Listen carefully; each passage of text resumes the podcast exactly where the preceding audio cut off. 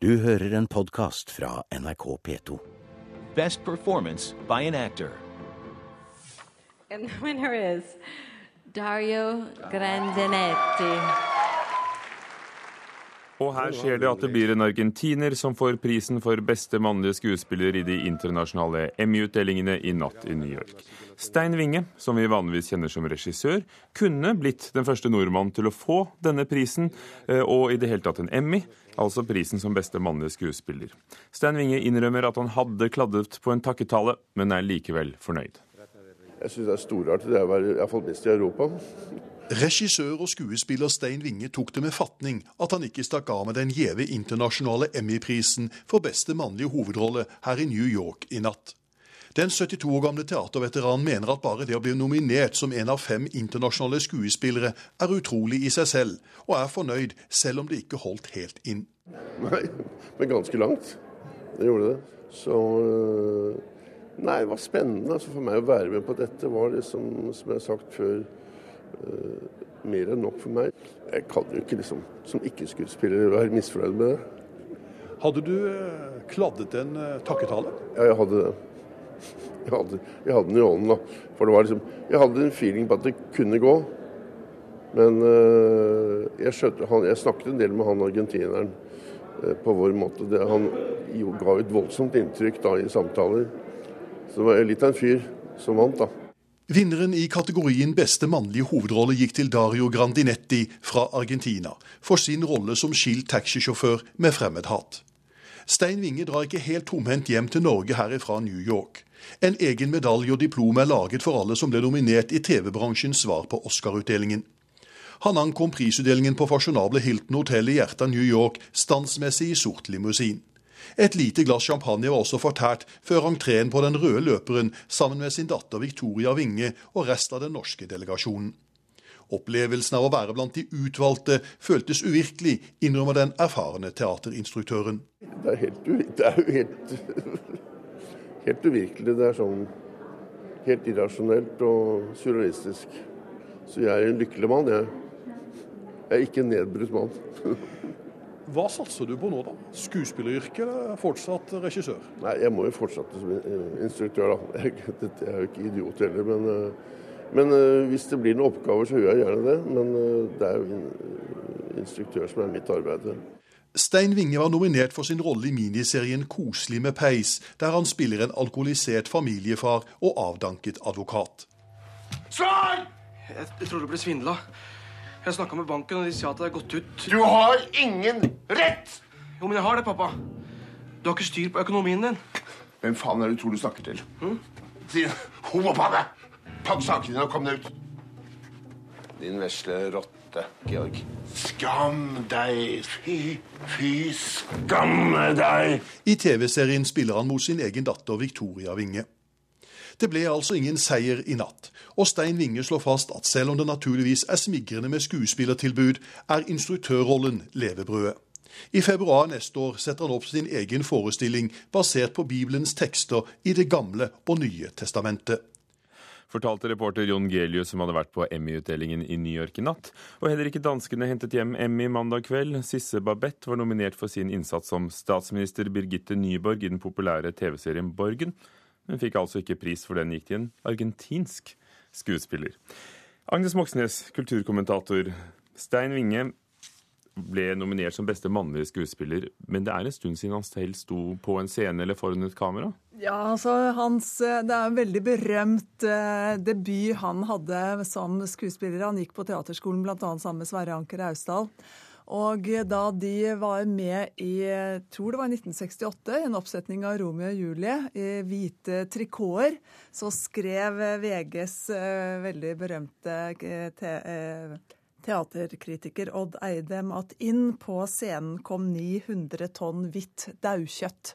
Så det var begynnelsen, og etter det nokså raskt etterpå så begynte Stein Winge, en av de første sin, noensinne i Norge, som gikk fra skuespillerjobben og ble instruktør. Og det er jo det han eh, absolutt er mest kjent for. Og så ble han altså nominert for sin da, første rolle på, på veldig eh, lenge. Hva slags serie er den koselige med peis som gikk på skjermen vinteren 2010? Eh, ja, altså Det er jo en slags sånn familieutgave av den legendariske Twin Peaks, eh, med en familie hvor liksom dess mer man roter det til, dess mer gørr kommer opp til overflaten. Det er jo et originalt skrevet uh, manus av, uh, av uh, Thomas Seberg Torjussen, som han også var med på regien på, sammen med Daniel Vollheim og Anne Sewitsky. Så dette er Lillehammer, altså folk som kommer fra filmskolen på Lillehammer.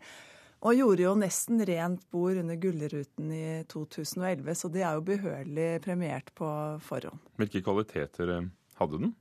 Nei, Det er jo nettopp det at det er en morsom film, en surrealistisk serie, og som kommer med eh, Har en historie som er uventet og fortelles på en ny og original måte. Så dette er god, svært go god eh, TV-underholdning. Men Emmy-prisene, hvor denne da var eh, nominert til en av dem. Altså I 2006 så sa kulturminister eh, Trond Giske, som han het den gangen, eh, at det var et mål å få internasjonale priser. Det er kanskje ikke så lett? Nei, altså det er jo en av begrunnelsene, altså hvordan man begrunnet at man puttet mye mer penger inn i filmbransjen i Norge, film- og TV-bransjen, i og med Kulturløftet som kom i, i 2005 og den rød-grønne regjeringen. Og det var at hvis du puttet penger inn i, en, en ene, i, den ene enden, så kom det ut priser og deltakelse på de store filmfestivalene, i, og da type Emmy-priser og Oscar-priser enn andre. Så langt har vi jo ikke fått det. Det er en lang, lang liste med land. altså det Her er det jo de som er med på i denne konkurransen. Det er jo folk fra 50 forskjellige land. Eh, svenskene og danskene har vunnet, tror jeg, henholdsvis fire ganger, altså fire ganger hver, mens vi da fortsatt står uten en, en Emmy-pris. Hvem er det som gir ut denne prisen? For det, Dette er jo ikke den amerikanske Emmy-prisen vi hører om når amerikanske TV-serier får den. Nei, de amerikanske TV-seriene de blir, eh, får sin Emmy i slutten av eh, september, og så er dette da den internasjonale prisen. Den er blitt gitt ut fra slutten av 60-tallet. Eh, det er altså 50 medlemsland, 1500 mennesker som sitter og stemmer eh, frem eh, vinnerne. Så det, det er organisert på samme måten som Oscar, altså Academy Awards. I år så var det altså ingen Det var en, en dansk eh, nominert, som du sa, hovedrolleinnehaveren i Borgen, men det var det eneste nordiske innslaget. Vi fikk ingenting. Derimot så var det to Emmy til Argentina, to til Brasil og to til eh, England. Men så er det tre norske programmer nominert til de første internasjonale barne-Emmy-prisene, og de skal deles ut i februar. Det kommer senere, så der får vi bare krysse fingrene og håpe at det kommer et eller annet. Takk, Agnes Moxnes.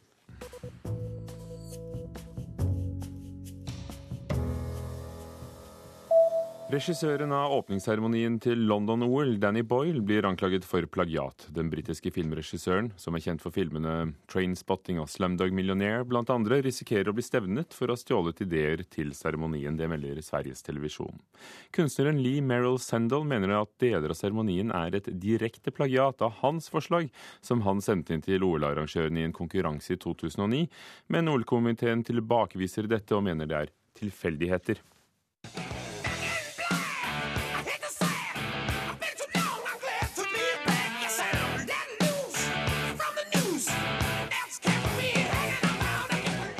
ACDC har krøpet til korset og går nå med på å selge musikken sin gjennom Apples nettbutikk iTunes. Helt siden The Beatles omsider ble tilgjengelig på iTunes i 2010, har det australske rockebandet ACDC vært et av de største navnene som har manglet i nettbutikken.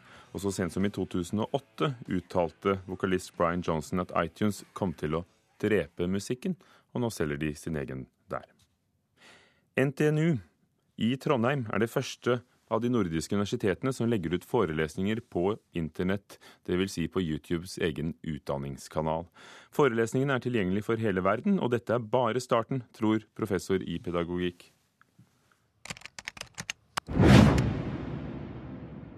Ja, det vi skal begynne med, det handler om bevegelse, og det er det som kalles mekanikk.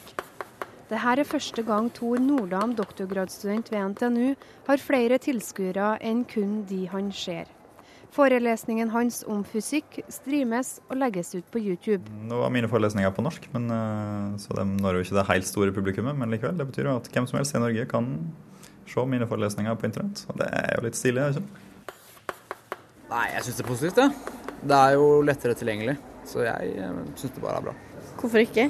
Det må jo være veldig bra. NTNU er det første universitetet i Norden som legger ut sine forelesninger på YouTube Edu, utdanningskanalen for YouTube.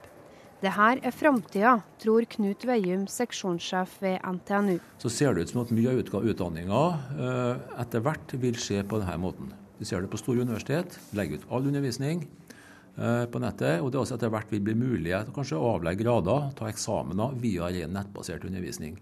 Den arenaen bør vi være på. Og vi syns det er viktig å være med liksom når toget går, ikke komme etterpå. Nå ligger det rundt 300 forelesninger på YouTube som er tatt opp i klasserommene ved NTNU. Og Veium tror flere nordiske universitet vil følge etter. Professor i pedagogikk ved Universitetet i Tromsø, Karin Rørnes, tror det her bare er starten. Jeg tror nok at det kommer til å overta eh, mer og mer, men jeg tror behovet for samtalen om eh, det du har hørt i en forelesning, forsterkes. Fordi vi er nødt til å kunne koble kunnskapen, og vi må koble kunnskapen eh, til det livet som leves. Det vi begynner med nå, kan de fleste fra før, men det kommer til å ta seg opp etter hvert. Jeg tror vi trenger det fysiske klasserommet, men jeg tror det kommer til å se annerledes. Jeg tror det kommer til å se ut som en møteplass som inviterer mer til dialog. Nå kan du altså sitte hjemme og følge med på undervisninga, men Veium tror ikke det fører til færre studenter i klasserommet. Ikke. Det vil være med erfaringa så langt i hvert fall. Det var en viss prosent som da lar være å møte. Det er mulig at de ikke er møtt allikevel. Det kan være årsaker til at folk ikke møter. Du kan være syk, altså andre årsaker som gjør at du er forhindra. Men da får du i hvert fall muligheten til å se det enten på telefon eller på iPaden. Nei, jeg tror at folk som går her tar det såpass seriøst at det ikke er noe problem. Og de som ikke kommer, de kommer ikke uansett, tenker jeg da. Kanskje de som dropper forelesninger vil uansett være der droppe forelesninga. Vi har gjort spørreundersøkelser på slutten av hvert fag der vi har spurt hva studentene syns om det, og de sier at det er et nyttig verktøy for repetisjon, og, ja, eller hvis man av en eller annen grunn ikke får med seg en forelesning. Og Det sa doktorgradsstudent ved NTNU Tor Nardam til reporter Kaja Kristine Næss. Du hører en podkast fra NRK P2. Snart kommer to nye norske dokumentarfilmer om de ukjente motstandsheltene fra andre verdenskrig. Filmskaperne vil i hver sin film gjenopprette æren til krigshelter som de mener er blitt motarbeidet og redigert bort fra historiebøkene. Skipssabotasjeaksjon på Oslo havn. Max Manus han hadde faktisk ingenting med det å gjøre. Det var gutta i pellegruppa. Han mener de er slettet fra historiebøkene. Øystein Rakkenes, aktuell med dokumentarfilmen 'Det tause vitne', om Pellegruppa, sabotasjegruppa som var aktiv på Østlandet høsten 1944. Og denne filmen skal jo da prøve å eh, gjenopprette deres ære og hente fram noen veldig modige folk som har eh, stort sett vært utredigert fra historien. Det lar seg dermed ikke gjøre på det nåværende tidspunkt å svare på om og når Pellegruppa eventuelt kan tildeles æresbevisninger for innsatsen under andre verdenskrig. Det var eh, oberst eh, Lindqvist, han representerer Forsvarsdepartementet. De har satt i gang eh, et tre- til femårig prosjekt for å se på all motstandsinnsats i Norge på nytt. Men problemet er at våre karer er nesten 90 år, så hvis det skal gå fem år før de bestemmer seg hvorvidt de skal hedre disse folka eller ikke, da er alle borte. At disse folka ikke ble helter, tror filmskaperen skyldes at lederen av Pellegruppa, Ragnar Solli, var kommunist. Var det mistanke om kommunister? De var da eh, Arbeiderpartiet sine erklærte fiender. Andre var til og med Arbeiderpartifolk, men de tilhørte nå gruppa til en mann som ble ansett som kanskje Moskva-tru, og dermed så eh, tok en like godt og strøyk dem ut fra historien. Den døde er funnet på en trappeavsats i øverste etasje av Rindugatan 42 i Stockholm. Øystein Rakkenes er ikke den eneste som kommer med dokumentarfilmer om andre verdenskrig. Stian Trovik sluttfører nå filmen 'Mysteriet Holst' om det mystiske dødsfallet til motstandsmannen Kai Holst fra Lillehammer. Skutt i hodet. Jeg har drevet på med denne filmen her i snart seks år. Jeg vil nok påstå at sannheten har blitt dyssa ned veldig lenge. Folk som prøvde å grave i det her på 40-, 50-, 60-, 70-, 80- og 90-tallet, møtte jo advarsler fra å gå videre med det her. Når du snakker med veteraner og motstandsfolk fra det miljøet, så ligger det litt sånn mellom linjene at det her er kanskje noe som man ikke skal grave i, og kanskje ikke snakke så høyt om. Jeg vil si at Det største utfordringa er jo å få folk til å snakke. Ikke de eh, ytterst få. Det er bare tre som har vært gjenlevende som vi har møtt fra Pelle-gruppa. De har snakka fritt hele veien. Men å få makta i tale, altså de som overvåker disse folka, de som kanskje utsatte dem for yrkesforbud, eh, de som politisk prøvde å knekke dem, de har vært vanskeligere å få i tale. Vi har rett på en, vår felles fortid. Vi har rett til å finne ut hva som egentlig skjedde.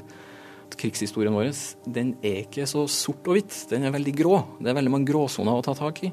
Vi følte at vi måtte fortelle denne nå. Det er over 90, alle de som virkelig var med. Så det er nå det må gjøres. Om et par år så er det for seint med tidsvitner. Sa Øystein Raknes, som står bak dokumentarfilmen 'Det tause vitnet'. Og så hørte vi også Stian Trovik, som er aktuell med filmen 'Mysteriet Holst'. Og begge filmene vil bli vist i NRK TV til neste år. Reporter var Stein S. Eide. Vi tar med at Produsenten bak filmen 'Hobbiten' blir anklaget for 27 dyredødsfall. Dyrepassere som jobbet på settet, mener produsenten er skyld i dyrenes grusomme død. Hester skal ha falt ned i hull i bakken, og kyllinger skal ha blitt skadet av hunder. Men Hobbiten-produsentene avviser alle disse anklagene. Hanne Lunås var teknisk ansvarlig for Kulturnytt, Andrea Kvamme Hagen produsent, Ugo Fermarillo programleder, og du hører på Nyhetsmorgen i NRK P2. Du har hørt en podkast fra NRK P2.